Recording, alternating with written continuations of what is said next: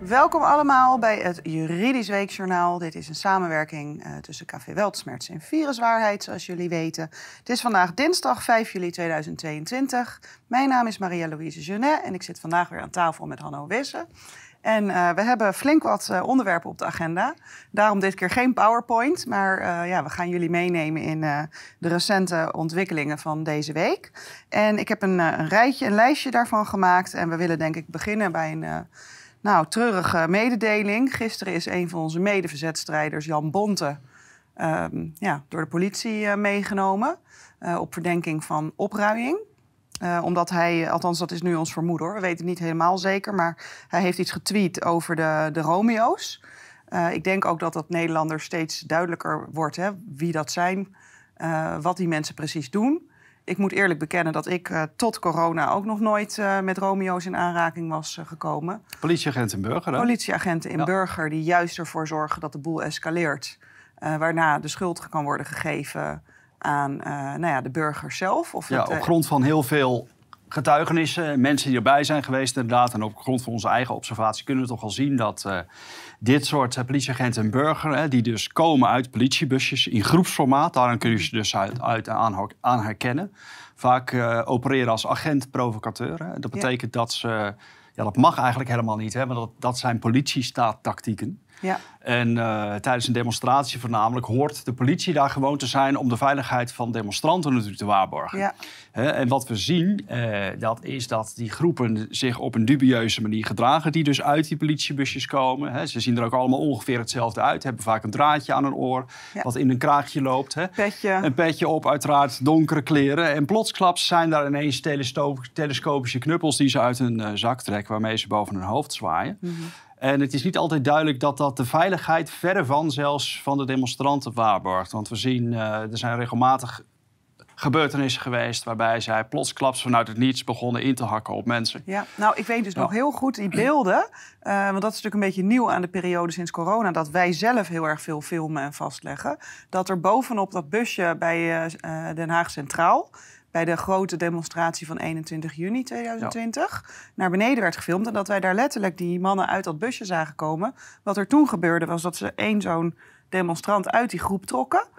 Waardoor die anderen daarop reageerden. Ja die wilden hun mannetje weer terughalen. En toen is in één keer een hele scharmutseling uh, ontstaan. En zag je in één keer alle politieagenten ertussen. Uh, de boodschap is natuurlijk officieel dat dit gebeurt om uh, mensen die de veiligheid van de mededemonstranten bedreigen. Om die tijdelijk te verwijderen uit de ja. demonstratie. Maar het is volstrekt niet duidelijk dat dat om die mensen gaat. Hè? Want die demonstraties die verlopen over het algemeen vrij rustig. Het is een sociale, vriendelijke festivalsfeer. Ja. Dus mensen hebben ook lol met elkaar. En plotsklaps zien we die lui dan door de demonstratie heen lopen. Hè? En dit beantwoordt eigenlijk aan een beeld wat, ja, wat een beetje dubieus is natuurlijk. Hè? Want wat we vaak ook zien is dat er dan vooraf wordt opgeroepen, ook via de radio, dat er komende weekend weer een demonstratie is en dat de politie aanwijzingen heeft dat er dan weer wapens zijn of dat soort dingen. Hè? Waardoor er dan een veiligheidsrisicogebied moet worden ja. uitgeroepen. Maar vrijwel nooit na afloop worden die daar wapens ook daadwerkelijk gevonden. Nee, kennelijk vinden ze onze gele parapluutjes met hartjes vinden ze wapens. Ja, ja, het is natuurlijk ook maar een beetje wat je als een wapen kwalificeert. Hoewel dat juridisch natuurlijk wel duidelijk is. Hè. Daar is natuurlijk, dat, dat, is, dat is wel duidelijk wat een wapen is en wat niet. Maar goed, hè, eh, de beeldvorming, uh, daaraan gaat het hier. Uh, die beeldvorming is dat soms misschien niet zo duidelijk. Maar kijk, waar het hier om gaat is natuurlijk het verhaal dat uh, corona, anti, coronademonstranten of uh, demonstranten die tegen de maatregelen zijn, toch ja, wat overheidsonvriendelijk uh, natuurlijk overkomen. Hè? Dus dat die politieke doelstelling voorstaan die uh, de overheid op dit moment wat minder uitkomt. Hè? Want het coronabeleid dat is natuurlijk echt gericht op gehoorzaamheid. De burger ja. die hoort niet na te denken, die hoort klakkeloos te aanvaren wat regels zijn. Hè? Dus het nadenken is daarbij juist natuurlijk een laat ik zeggen, een, uh, ja, niet, bepaald een deugd. Hè? Dus uh, dat betekent, ja, dus er lijkt sprake te, te zijn van een uh, campagne waarbij publiekelijk dit soort demonstraties worden gedelegitimeerd. Mm -hmm. En waarbij ter plekke te, op de demonstraties, dus op het veld, door de politie actie wordt ondernomen, zodat demonstranten worden geïntimideerd. Ja. en dat is natuurlijk een manier om het demonstratierecht, wat ook ja, demonstranten toekomt die tegen coronamaatregelen zijn. Maar idem dito natuurlijk ook aan boeren op dit moment die tegen het stikstofbeleid uh, uh, protesteren. Ja. Uh, die, dat dat demonstratierecht komt hen gewoon toe. Ja, die worden nu keihard En demonstraties mogen niet op grond van de inhoud worden verboden. Dat Precies. is absoluut niet mogelijk. Dat Nee. mag niet, volgens de regels. En dan lijkt er toch sprake te zijn van, hoewel dan officieel vaak eh, eh, wordt benadrukt dat de demonstratie echt heel belangrijk is. Hè, en dat het niet mag om op grond van de inhoud te bieden, dat via de achterdeur in het geniep toch sprake is van tactieken die worden ontplooid om eh, mensen te ontmoedigen om te gaan demonstreren. Ja. Dus dat eigenlijk zeg maar, dat demonstratierecht via de achterdeur eigenlijk uitgehold wordt op een sneaky manier. Precies. En dat- nou, ik ja. hoop dus dat de boeren nu ook zich gaan verenigen met En- inderdaad de vissers, de wappies, de, hè, de critici. Dat en we gaan is zien dat we typisch een gemeenschappelijk... politiestraatgedrag. Dit zijn politiestaattechnieken, politiestaattactieken die doen denken aan de affaire uit de Verenigde Staten, COINTEL Pro heet die. Waarbij ook gedurende een langere periode, van ongeveer 1956 tot, meen ik ergens de jaren 60, ehm, onwelgevallige groepen, dus groepen die de overheid niet uitkwamen met een doelstelling, politieke doelstelling die de overheid onwelgevallig was, eh, zijn gesaboteerd. Wederrechtelijk. Ja, wederrechtelijk, ja. Wederrechtelijk nou ja, dat vind ik hier ook een, Door een het punt. veiligheidsapparaat. Hè? Precies, Ja. want toen ik me een beetje ging verdiepen in het begin in die Romeo's en zo, toen begreep ik dat dat eigenlijk wel eens, eh, eh, en daar kan ik me misschien nog iets bij voorstellen, bijvoorbeeld als er een, eh, een grote voetbalwedstrijd is, waarbij echt vijandigheden zijn tussen die twee supportersgroepen, Ja. dan schijnt het dat het daar wel eens voor werd ingezet is om dan te de-escaleren. Daar kan je je misschien nog iets bij voorstellen. Maar wij hebben natuurlijk ook het vaker gehad over dat rapport van de Venice Commission. Die guidelines waarin al die regels staan. En daar staat gewoon letterlijk dat dat niet mag. Hè? Die agent-provocateurs, die Ja. Romeo's. Hoe die nu worden ingezet. Het is en nog helemaal van het demonstratierecht. Daar komt het op Precies, neer. Dus de politie uitholling. is er voor de veiligheid van de demonstranten in Ja. de eerste plaats. Mocht de politie aanwijzingen hebben dat er eh, mensen zijn die eh, op geweld uit zijn, dan hoort de politie eh, ervoor zorg te dragen dat de veiligheid wordt opgeschaald, zodat Precies. die demonstratie alsnog doorgang kan vinden. Dat is hoe het recht in elkaar steekt. Ja. Ja. En dat wordt totaal uitgehold. Ben We zien dat niet terug, de manier waarop daar eh, in de praktijk gevolgen wordt gegeven. We zien juist dat dit dan als reden wordt aangegrepen door burgemeesters om demonstraties te verbieden, helaas. Mhm. ja. Oké, Maar goed, feit is, kijk, tegenwoordig is het niet alleen zo dat maar een paar mensen natuurlijk te maken krijgen met deze beschuldigingen van opruiing. Hè? Dat, we zien hetzelfde spel ook met betrekking tot opruiing. Dat wordt gespeeld. Hè? Dat mensen die eh, kritiek geven, waar we in een democratie toch van zouden moeten zeggen dat we die verwelkomen. ja. Hè? Dat er dus een groepen mensen bestaan die een, een politieke doelstelling voorstaan die niet de overheid bevalt. En dat dan het strafrecht wordt ingezet om Ja. die mensen dan het leven zuur te maken. Precies, dat is bizar. Dat was trouwens wel Dus, mooi. Ik weet niet of ja. je dat nog hebt gezien. Dat stukje van Gideon van Meijeren in de Tweede Kamer tegen die, eh, ik kan die naam nooit uitspreken, die minister Jezelgun of zo, hoe heet ze nou? Ja. Dat ehm zij juist, van Justitie inderdaad. ja, ja, dat zij zelf eh, eh, nog een paar jaar geleden in een column had gezegd dat het juist belangrijk is dat er in bepaalde gevallen sprake is van burgerlijke ongehoorzaamheid. Ja. En nu in één keer. Nou, we hebben dus te maken met een duidelijke om. officiële realiteit. Hè, die ons in de kwaliteitskranten wordt voorgeschilderd. En op de NOS-journaal, waar natuurlijk mooi weer wordt gespeeld. En een echte realiteit. Er zit een groot gat Ja. tussen. Hè. En het is heel goed om dat te benoemen.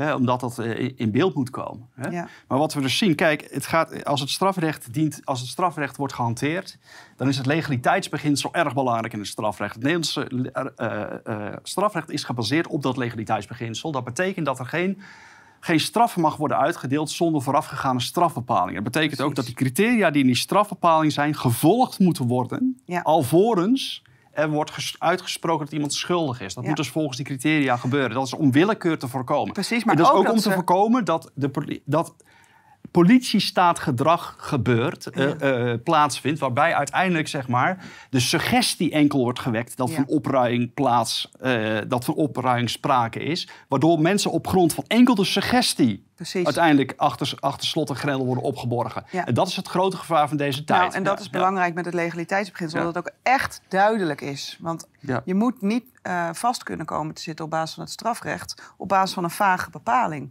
Ja. Het nou goed, het doet, denken, het doet denken aan eh, natuurlijk de Tweede Wereldoorlog in, eh, in Duitsland, waarin het uiteindelijk natuurlijk gewoon was om op basis van het gezondenes volksempvinden recht te spreken. Dat betekende dat aan het gezondenes volksempvinden, dat betekent gewoon het, het gezonde verstand. Hè? Mm. Dus hoe jij dacht, dat, wat, wat redelijkheid, wat iemand dacht dat redelijk zou zijn, dat op grond daarvan zeg maar, recht zou worden gesproken. En met betrekking tot strafrecht werd aan het gezoenens volksempvinden een, uh, een zelfstandige betekenis toegedicht. Naast dus het legaliteitsbeginsel, dat werd op, eigenlijk opzij geschoven. We hadden dan wel de wet, maar die wet daar kon eigenlijk een uitzondering op worden gemaakt op grond van jouw gevoel van wat rechtvaardig was. Hè?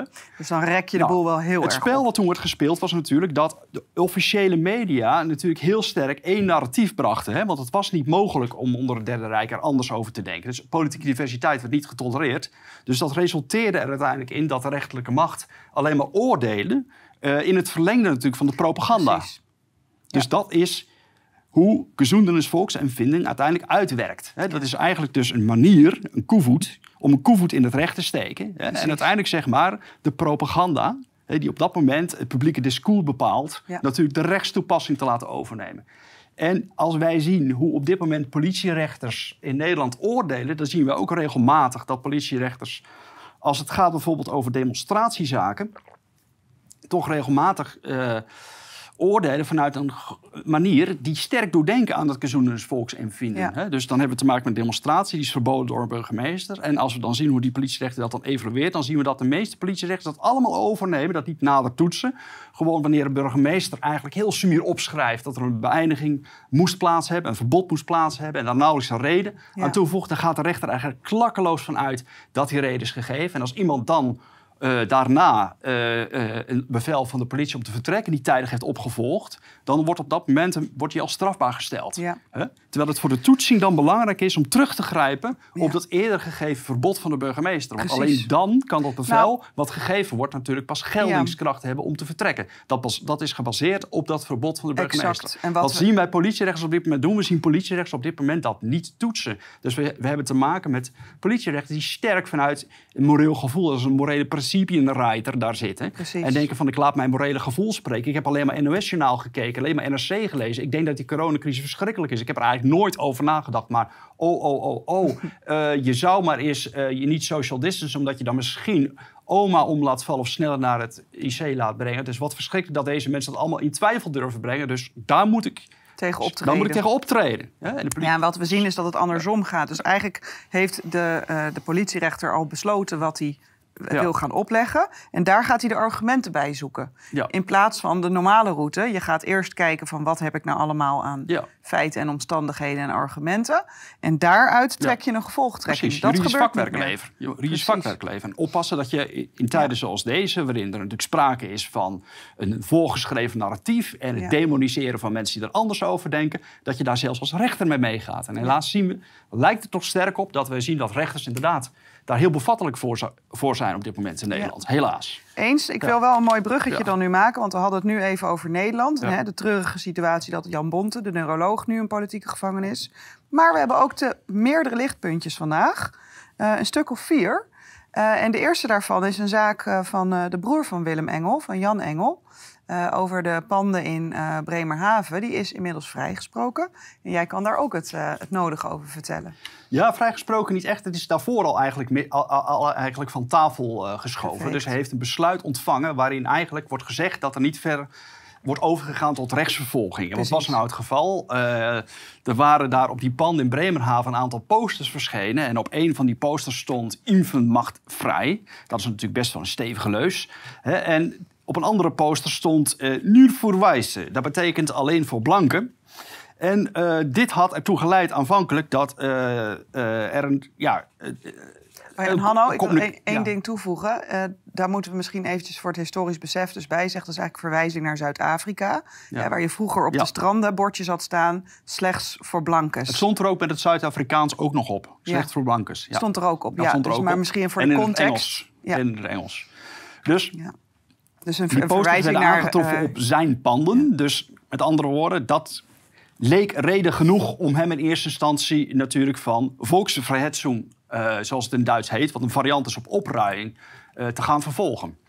En uiteindelijk heeft de recht, heeft, is, is besloten om dat niet te doen, om niet tot die vervolging over te gaan. Hè. Dus van spra- vrijspraak is nog niet echt sprake van zo, dan moet het eerst tot het proces komen, Ja. En uh, de belangrijke reden daarvan was dat niet duidelijk was wie die poster had aangebracht op die panden. Best belangrijk natuurlijk. Want als we iemand van iets beschuldigen, dan moet hij het wel zelf gedaan hebben. Ja. dus dat is belangrijk. Verder had de rechter ook opgemerkt dat um, met betrekking tot die poster van uh, Nieuw Verwijzen ja, dat eigenlijk helemaal niet duidelijk was uh, dat die poster tot doel had om bijvoorbeeld de toegang te beperken tot dat pand. He, dus het was helemaal niet duidelijk uh, of dat pand op dat moment wel verhuurd was of leeg stond. Mm -hmm.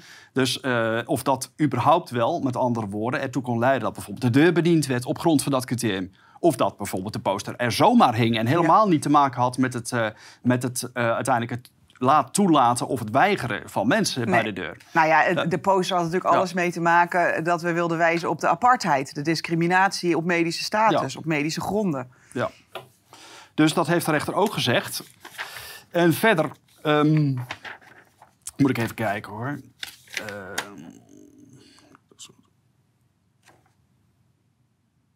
ja, en tot het eerste um, werd ook gezegd dat waar die poster zei, uh, waarop die poster stond van uh, vrij, zei de rechter dat hij graag in het middel wilde laten of dit nou voor rekening zou komen voor de vrijheid van meningsuiting of voor volksverhetsing, opruiing. Want hij zei van, ja kijk, de minister-president van Beieren, die heeft eigenlijk een soort gelijke uitspraak gedaan.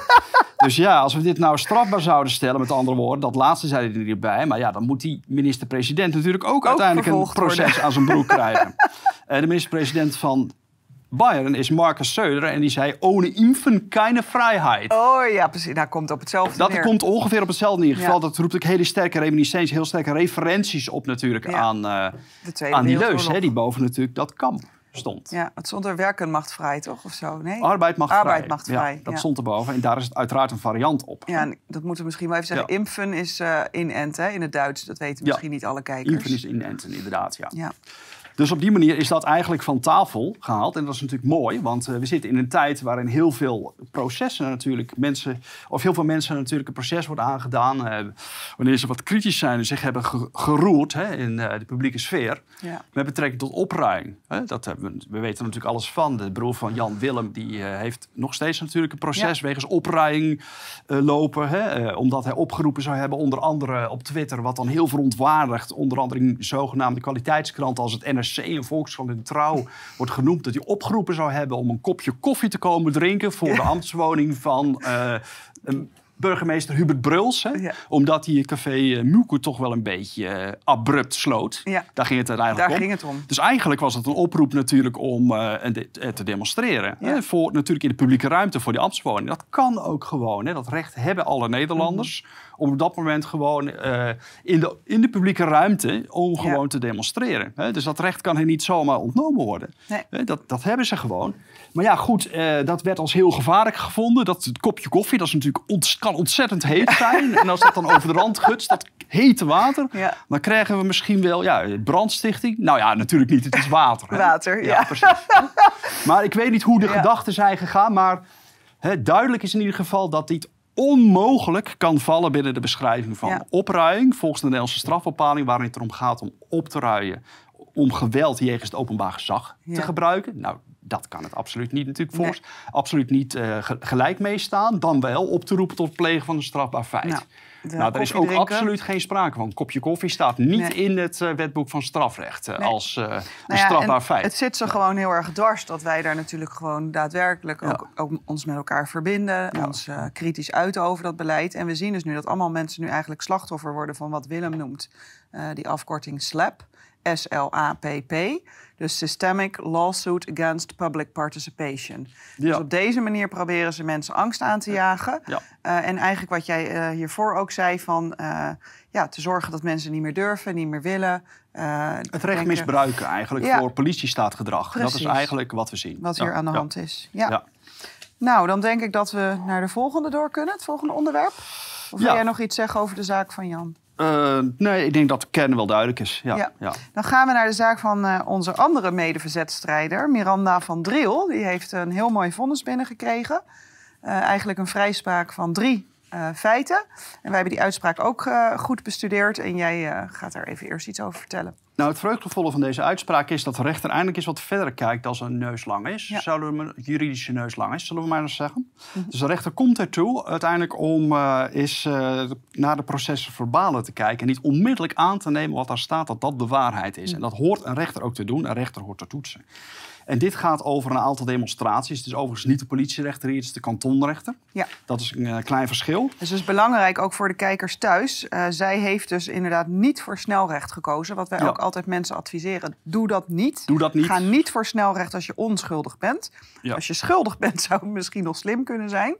Eh, hè, omdat je Ja. dan misschien eh, dat ze niet het Snelrecht bewijs op tijd kunnen verzamelen. Snelrecht is een veroordelingenmachine. Dus dan heb je eigenlijk al voor je lot getekend. Ja, dus juist als je onschuldig bent, nooit voor snelrecht kiezen en volg de route die Miranda heeft gevolgd. Ja, het gaat om drie demonstraties. Eentje op 10 oktober 2020, eentje op 8, 8 oktober 2020, eentje op 25 mei 2021. En eigenlijk het verwijt is hetzelfde bij al die demonstraties. Dat eh, nadat de burgemeester besloten had om de demonstraties te verbieden. Dat toen eh, zij geen gevolg heeft gegeven aan een, eh, een opdracht van, van, van de politie om te vertrekken. En dat is dan strafbaar, want dat betekent uiteindelijk zeg maar, op grond van artikel 11 is dat van de wet openbare manifestatie. Daarin wordt dat strafbaar gezet. Dus, eh, maar goed, opvallend is dat eh, er eigenlijk nauwelijks gespecificeerd wordt eh, bij, die bij het stuk uit het proces verbaal uit 10 oktober eh, 2020 en 8 oktober 2020. Ja, waarom eigenlijk die demonstratie überhaupt verboden wordt. Hè? Ja. Dus dan, Misschien even Ja. belangrijk om toe te lichten, die van 8 en 10 oktober, die gingen specifiek, was dat in die periode rondom de spoedwet. Ja. En dat ze op het plein op een gegeven moment een soort sit-in hè, zijn gaan Ja. houden. Dat ze eh, daar met z'n allen om eh, dat vierkant heen zijn gaan zitten. Ja. Eh, ja, dat wilde ik nog Ja, even ja dat, toevoegen. dat, is, dat lijkt me inderdaad een terechte opmerking. dat want we ook even het belang tijd, zien hè? van dit was ook echt een belangrijke, demonstratie. Ja, Want we zien dat we daarna, wat wij dus ook op die spandoeken hadden staan, van het is niet tijdelijk. Ja. Hè, er werd steeds aan ons verkocht, oh dat is een, eh, een tijdelijke spoedwet van drie maanden. Maar inmiddels weten we gewoon dat we vijf verlengingen verder zijn. Ja. Eh, dan is weliswaar die vijfde verlenging net door de Eerste Kamer verworpen. Maar ik heb hier twee weken geleden alweer met Willem het nieuwe wetsvoorstel besproken. permanente, de en permanente is eigenlijk de coronawet. permanente coronawet. Ja, Dus is eigenlijk de tijdelijke wet die eh, opnieuw terugkomt. Maar dan is precies. permanente. Maar dan permanente permanent, ja. ja. Maar goed, ik ga even terug naar de demonstraties. De burgemeester kan natuurlijk een demonstratie verbieden. Die bevoegdheid heeft hij op basis van eh, de wet openbare manifestatie. In een aantal artikelen staat die bevoegdheid daar geregeld. Ja. Het artikel wat hier van toepassing is artikel 7 van de wet eh, openbare manifestatie. En inderdaad, de- de burgemeester heeft op basis daarvan die bevoegdheid. Alleen, dat mag hij niet zomaar aanwenden. Ja. Hij mag, maar op grond van enkele gronden mag hij een demonstratie verbieden. Hè, dus, moet sprake, dus het, dat betekent eigenlijk dat de vrijheid van demonstratie...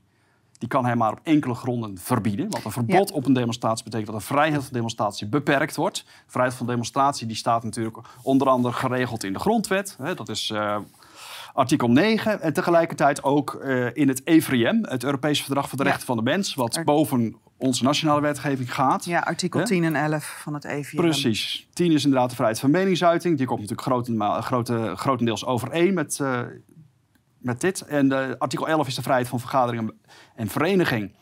En die wordt dus beperkt door drie gronden. Die staan in artikel 2 van ehm, eh, de wet op de openbare manifestaties... op een manier die gelegitimeerd is. Slechts drie. En dat is omwille van de gezondheid, omwille van de bestrijding voorkoming van onordelijkheden en in het belang van het verkeer. Dus Ja. eigenlijk het doorgaan van het leven, zeg maar. Ik zou je het bijna kort wel kunnen stellen. En hier Nou ja, gaat het natuurlijk je, om met die laatste kan je ook wel wat Ja. voorstellen. Dat je misschien even moet nadenken: moeten we trams of bussen omleiden of iets dergelijks? Precies, ja. Dat is niet zo gek.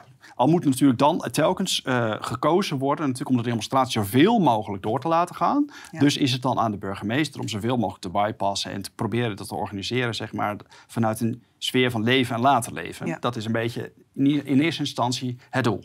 Ja. En ehm, nou goed, uiteraard gaat het hier om de, om, eh, om de gezondheid. Dat is dus een, een geldige manier om de vrijheid van demonstratie in te perken. Maar daar blijft het dan niet bij. Dan moet de rechter natuurlijk wel motiv- dan moet de burgemeester wel motiveren waarom hij dat verder doet. Hè? Mm.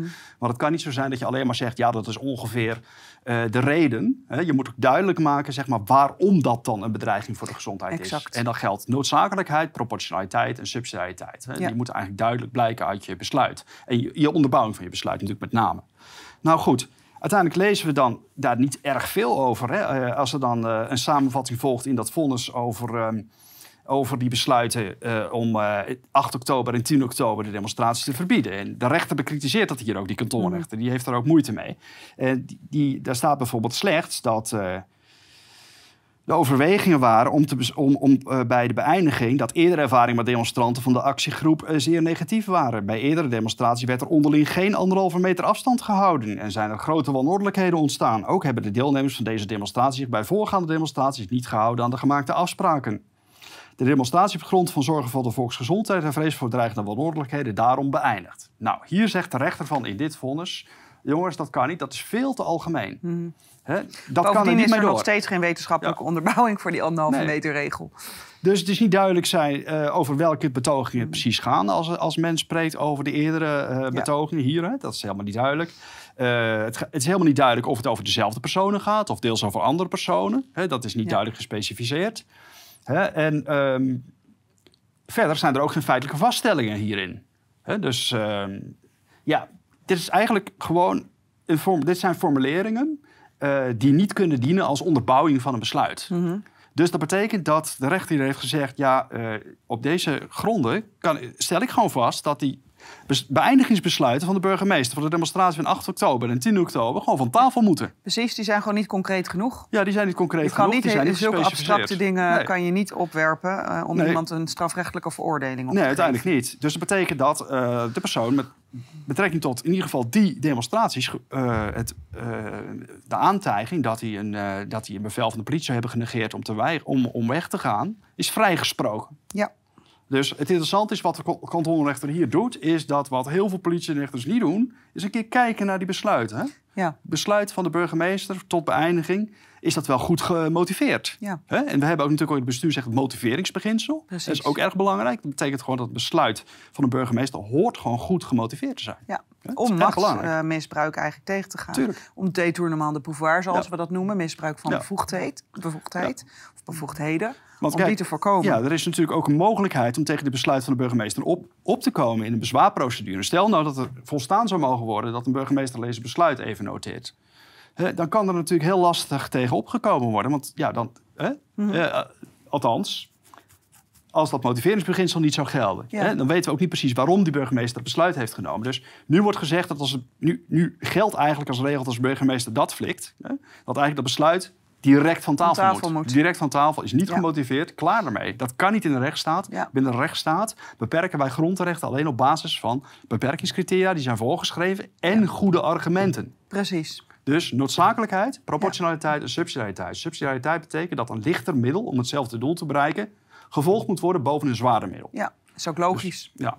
Nou, hier is alleen maar sprake van eigenlijk een paar gezwollen formuleringen die aan het papier worden toegevouwd. Heel algemeen, niet specifiek. Klaar daarmee, zegt de kantonrechter van tafel. Dan hebben we nog één demonstratie over, dat is die van 25 mei. Mhm. En dan zegt de rechter dat eigenlijk dat besluit van de burgemeester te begrijpen valt.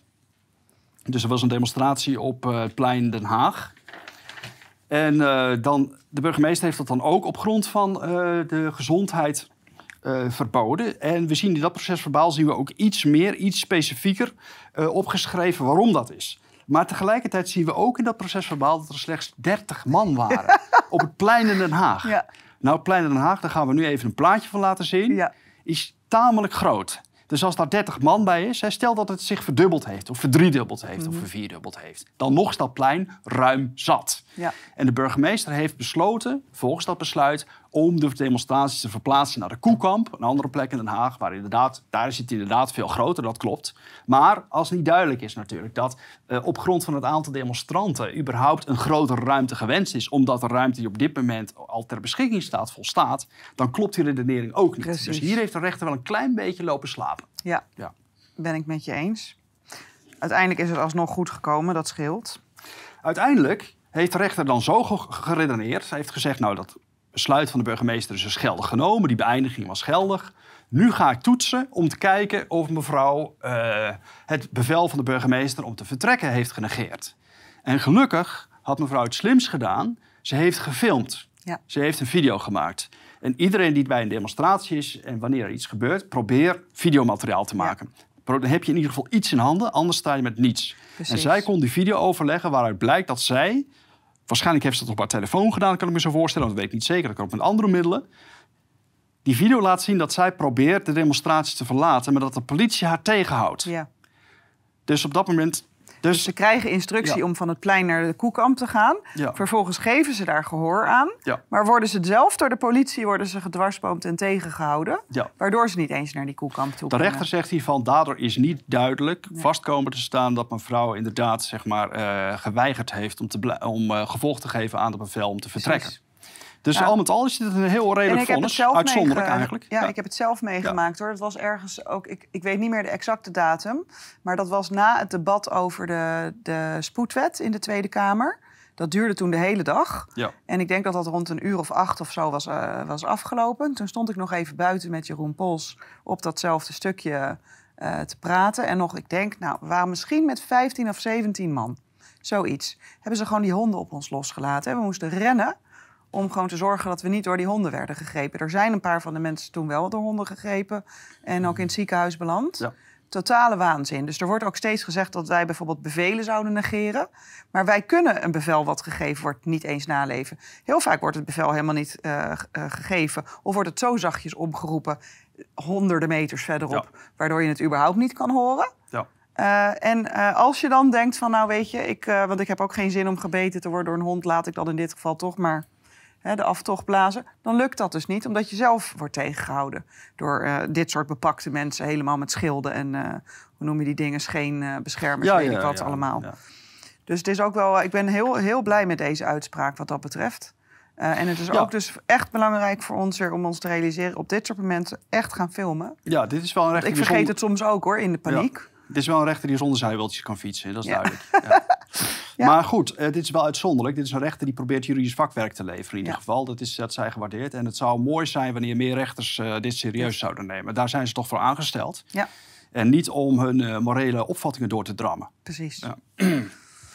Nou, dankjewel. Ik denk dat we daarmee ook eh, deze zaak hebben eh, besproken. Wij zullen ook een linkje naar deze zaak aanhechten. De uitspraak is van, eh, wacht even hoor, even kijken, van 8, nee, 30, oh ja, de uitspraak is van 28 juni, maar hij is op 30 juni gepubliceerd op de website van rechtspraak.nl. Dus die zal ik ook toevoegen. Dan hebben wij nog twee korte mededelingen. Er is een Franse advocaat die wij ook volgen. Hij heet Tarek Koraitem. En hij heeft twee mooie overwinningen eh, behaald in eh, Parijs en in Dijon. Eh, de eerste zaak in Parijs die is van 9 juni 2022. En dat was bij de sector arbeidsrecht. Eh, De van, verpleegster eh, die was geschorst omdat ze geen vaccinatie had genomen. Klopt. En, eh, Ja. en uiteindelijk ontslagen. En tegen dat Ja. ontslag heeft hij, zich uit, heeft hij uiteindelijk een zaak gevoerd en die heeft hij Ja. gewonnen. Precies, en er is toen namelijk gezegd, de beslissing van de rechtbank is om de verpleegster die niet ingeënt is te ontslaan, zelfs zonder ontslagvergoeding, dat die onwettig is. En het oordeel is dus dat de, de, de baan terug moet worden gegeven en dat zij ook schadevergoeding moet krijgen van de werkgever. En eh, wat ik ook interessant vind in deze zaak is dat ook het Europees Sociaal Handvest is aange, ehm, ehm, of hoe noem je dat, door de rechter is eh, eh, ook getoetst is en daar gebruik van is gemaakt. Want dat hebben wij voorheen ook nog niet gezien. Ja. Het is een belangrijk ehm, eh, handvest op het gebied van het arbeidsrecht. Eh, dus dat wilde ik daar ook nog eventjes over zeggen. Er is een mooie Twitter-draadje hier ook over gemaakt door een criminoloog. Ik zal even kijken of ik dat kan terugvinden. En eh, wat ik daar ook nog over, dat heeft zij er ook in gezet. Eh, dat het wel weer jammer is dat in tegenstelling tot bij die KLM-uitspraak er geen proportionaliteits- en subsidiariteitstoets heeft plaatsgevonden. Maar goed, in dit geval maakt het niet uit, want er is gewoon gezegd: wij vinden dit onwettig. op basis van specifieke eh, Franse eh, wetgeving op het gebied van het arbeidsrecht. En dus dat Europees Sociaal Handvest. Dus dit was een mooie overwinning. Dus ook in het Franse eh, recht een soort recht op levensonderhoud geregeld. En daar Ja. mag niet zomaar op worden ingebroken. Er mag niet zomaar inbreuk op worden gemaakt. Nee. Daar was het onder andere ook over. En Precies, want je, je kan niet meer in je levensonderhoud voorzien Precies, door dit soort... Dan heb je eigenlijk gewoon inderdaad met een vaccinatieplicht te maken... als jij ontslagen wordt eh, als je die prik niet haalt. Dus dit is een hele mooie uitspraak van 9 juni 2022. En eh, toen zag ik eh, vorige week weer een, nog een uitspraak. Hij heeft ook op 28 juni 2022 een hele mooie uitspraak gekregen... bij de bestuursafdeling van de rechtbank in Dijon... Waar ging dat nou om? Nou, er was een uh, verpleegster, ook wederom een verpleegster, had een schorsingsbesluit aan haar broek gekregen. Dus die werd geschorst uh, van haar werk. Uh, in verband dus met die vaccinatieplicht. Zij wilde die vaccinatie niet. Of laten we zeggen experimentele gentherapie. Het is geen vaccinatie. En toen is er door de bestuursrechtbank in Dijon gezegd dat dat schorsingsbesluit nietig verklaard moest worden met terugwerkende kracht. Dus dat betekent ook dat ze gewoon haar salaris doorbetaald hoort te krijgen. Dat ze gewoon weer aan het werk kan. Uh, en eigenlijk zegt ook deze uh, Tarek Koraitem, deze ehm, advocaat, die zegt het is natuurlijk schandalig dat die schorsingsbesluiten niet gewoon zelf door die ziekenhuizen worden ingetrokken nu. Maar dat je daar dus alsnog als werknemer voor naar de rechter moet. Om dan nu wel bij de rechtbank dus gelijk te krijgen dat dit niet mag. Uh, maar ja, dus hopelijk heeft hij hiermee in elk geval in Frankrijk iets in werking gezet. Uh, ik vond het heel positief. Dus uh, twee overwinningen op rij in de maand juni. Uh, dat heeft misschien ook wel mee te maken dat mensen steeds meer door beginnen te krijgen. Hè? Dat die prikken alleen maar schade toebrengen en niks toevoegen. Ehm, dan hebben wij nog een kort dingetje over een, een tweet van Pieter Omtzigt. Die is, um, ik, ik, dacht één dag geleden verschenen. Die ging, dat is wel interessant. Hè? Ik bedoel, Pieter Omtzigt doet af en toe hele goede dingen, af en toe hele rare dingen. Op cruciale momenten vind ik dat hij uh, tegen belangrijke moties uh, stemt. Dus ik vertrouw hem in dat opzicht uh, helaas niet. Maar hij is wel een goede graver. en hè, kijk bijvoorbeeld naar de kinderopvangtoeslagaffaire. Heeft hij waanzinnig goed werk in gedaan. En wat ik mooi vind, hij is nu ook kritisch op dat um, stikstofbeleid. Ja. En daarbij heeft hij ook nog verwezen, want ik heb dat toen gezien, dat stukje van het debat in de Tweede Kamer. Daar verwijst hij specifiek naar die um, bevindingen van die uh, emeritus hoogleraar, uh, god hoe heet hij nou, Han, Han nog iets, moet ik zo even opzoeken. Maar die zat in de D66 werkgroep uh, van de, de stikstofwerkgroep. En hij is dus zelf gepromoveerd op stikstof. En hij heeft dus gezegd, die RIVM-regels uh, berekeningen die kloppen helemaal niet. hey, waar hebben we dat eerder gehoord? Hè? Die coronaberekeningen kloppen ook allemaal niet. Ja. En dat heeft Marianne Zwagerman samen met haar um, gesprekspartner en dus deze hoogleraar... Ja. heeft zij besproken in die podcast op zijn kop. Ik denk een week geleden of zo, net voordat, die, uh, voordat dat stikstofdebat gevoerd zou worden. En wat dus heel mooi is, is die is meer dan 1 miljoen keer bekeken, die tweet. En die podcast is dus ook heel veel geluisterd. En Pieter Omtzigt heeft hem ook geluisterd. Dat vertelt ja. hij namelijk ook in dat debat. Uh, maar hij heeft daar ja. dus ook nog een interessante LinkedIn-post gisteren over geplaatst, die jij ja. nog even zal toelichten. Ja, ja, Pieter Omtzigt is natuurlijk iemand die uh, is een econometrist, dus hij weet heel veel van modelbouw af. Ja. Dat is slim, hij is ook gepromoveerd daarin, volgens mij in Italië. Uh, maar Pieter Omtzigt heeft duidelijk niet erg veel onderzoek gedaan naar corona. Dus de man heeft duidelijk de onderzoekscapaciteit in huis en hij heeft geweldig onderzoek verricht. dus hij heeft zich ontzettend goed verdiept, moet ik eigenlijk zeggen. Zeg maar een aantal onderwerpen in de Kamer, onder andere de toeslagaffaire en dergelijke. Daar heeft hij heel goed werk gedaan.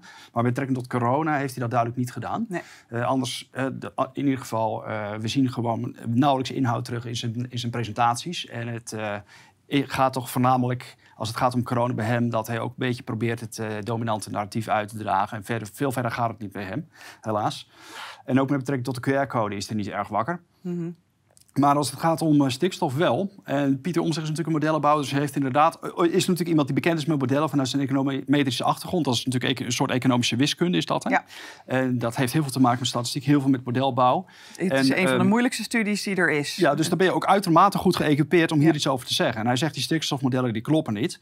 En uh, in die tweet. Uh, heeft hij het overigens niet direct over die stikstofmodellen, maar heeft hij het over de procedure die gevolgd wordt. Dan zegt hij van, uh, letterlijk zegt hij, ja, dat als het gaat over die stikstofdoelen, uh, dat die, uh, die zijn dus gewijzigd blijkbaar, maar er is dus geen wet voor aangenomen. Dat is door middel van beleid gedaan. En hij zegt, wijst erop en hij zegt dat is eigenlijk een slimme zet van de regering, want daardoor kan veel makkelijker natuurlijk het parlement enigszins buitenspel gezet worden. Want bij een wet gelden er allemaal procedures. Dan moet er een, uh, een voorstel, moet er een advies van de Raad van State worden ingewonnen en dergelijke.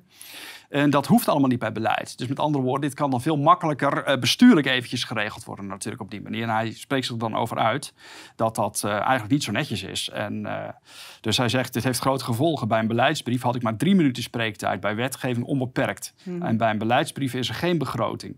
En geen raad van statenadvies. En geen politieke consultatie. Helemaal niets. niets. Dus het is wel een ja. belangrijk punt dat wij dus nu eigenlijk op een soort van ja, ja. Uh, slappe regeltjes zitten wij het leven van alle boeren te verpesten. Die niet eens een goed wettelijk anker hebben. Nou goed, waar we, ja, in ieder geval wat, wat de wetenschappelijke kant betreft... moeten we natuurlijk in Nederland ophouden... onmiddellijk te gaan knikken wanneer een belangrijk instituut naar voren treedt... vertegenwoordigers mm. daarvan en roepen dit is wat de wetenschap zegt. Dus we moeten veel scherper worden natuurlijk op enerzijds, zeg maar, klopt dat wel? En anderzijds de belangen die mogelijk ook kunnen meespelen en bevoordeeld door een dergelijk instituut. Ja. Want er bestaat een begrip dat heet corporate capture. En dat betekent dat natuurlijk instituten eigenlijk door corporate belangen ja langs de achterdeur bewerkt kunnen worden. Hè? Want we weten natuurlijk dat er een lobby is. Hè? En dat corporate, dat, dat corporate interest belangrijke lobby's hebben lopen bij de politiek, maar ook bij dit soort instituten. En dat is natuurlijk ook om ervoor te zorgen dat er een bepaalde beleidskoers wordt gevoerd die in hen voordeel is en niet mm. in het voordeel van andere belangen.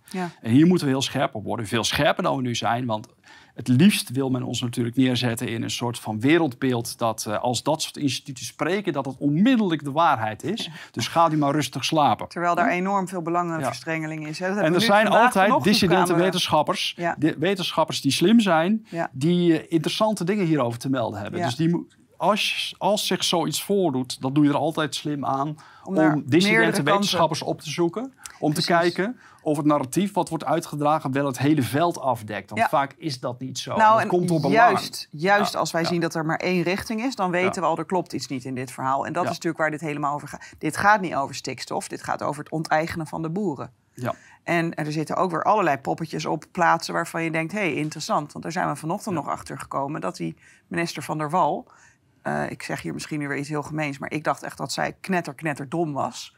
Maar ik begin inmiddels echt te denken: nee, het is gewoon een verdomd goede actrice. we hebben dat stukje gezien dat Ronald Plasterk op, in die tweet haar laat uh, betogen waarom ze dit nou allemaal doet. En dat ze op het eind zelf zelf zegt van, ja, ik weet het eigenlijk allemaal niet.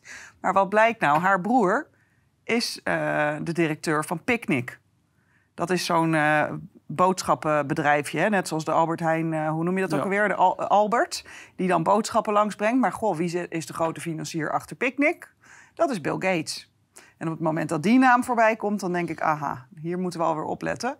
Uh, dit gaat, uh, zit helemaal weer in de agenda 2030, agenda 21. Ik hoop toch echt dat mensen zich daar meer in gaan verdiepen. Echt beter gaan opzoeken wat de Great Reset is. Er is een Nederlandstalige uitleg uh, van Mitchell van Duren over de Great Reset.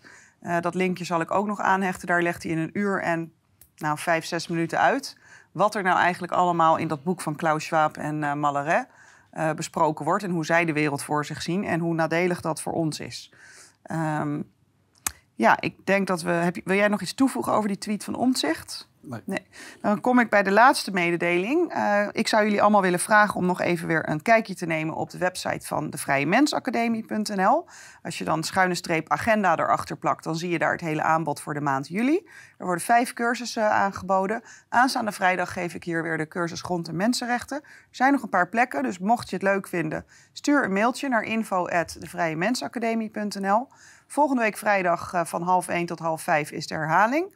En dan zijn er aan het, uh, de tweede helft van juli, dus het einde van de maand, worden nog door mijn collega drie cursussen aangeboden. En zij is um, gepromoveerd in de moleculaire microbiologie en uh, heeft een interessant drieluik gemaakt. Namelijk eerst uh, eentje over de risico's van de genetische injecties. Vervolgens over alle geldstromen. Dan komen we ook weer bij Bill Gates en consorten uit. Geldstromen binnen al die vaccinatietoestand, uh, industrie, de pharma. Ik noem ze farmafia. En, hè, en de derde gaat dan over een betere wereld. Wat kun je allemaal doen om jezelf hierop voor te gaan bereiden qua prepping en survival? Want nou, er wordt nu natuurlijk ook weer een voedselcrisis gemanipuleerd. Uh, het zullen nog best wel even barre tijden worden voordat uh, ja, al onze medemensen ontwaken. Daar uh, hou ik mijn hart een beetje voor vast. maar we kunnen in de tussentijd wel zoveel mogelijk doen om ons goed voor te bereiden. Kom ook naar de cursus Grond- en Mensenrechten, want nu kan het. Nu hebben we geen restricties. Het is belangrijk om jezelf nu voor te bereiden op de periode die we straks weer in de herfst gaan krijgen, waarin nou, de ellende weer losbarst. Um, nou, uh, dus ik had gezegd, schuine streep agenda. Je hebt ook nog schuine streep cursusaanbod. Daar kan je ook de omschrijving van de cursussen terugvinden. Nou, hartelijk dank uh, Hanno voor uh, al jouw toelichting. Ja, bedankt. En ehm, tot volgende week, lieve kijkers. Hartelijk dank.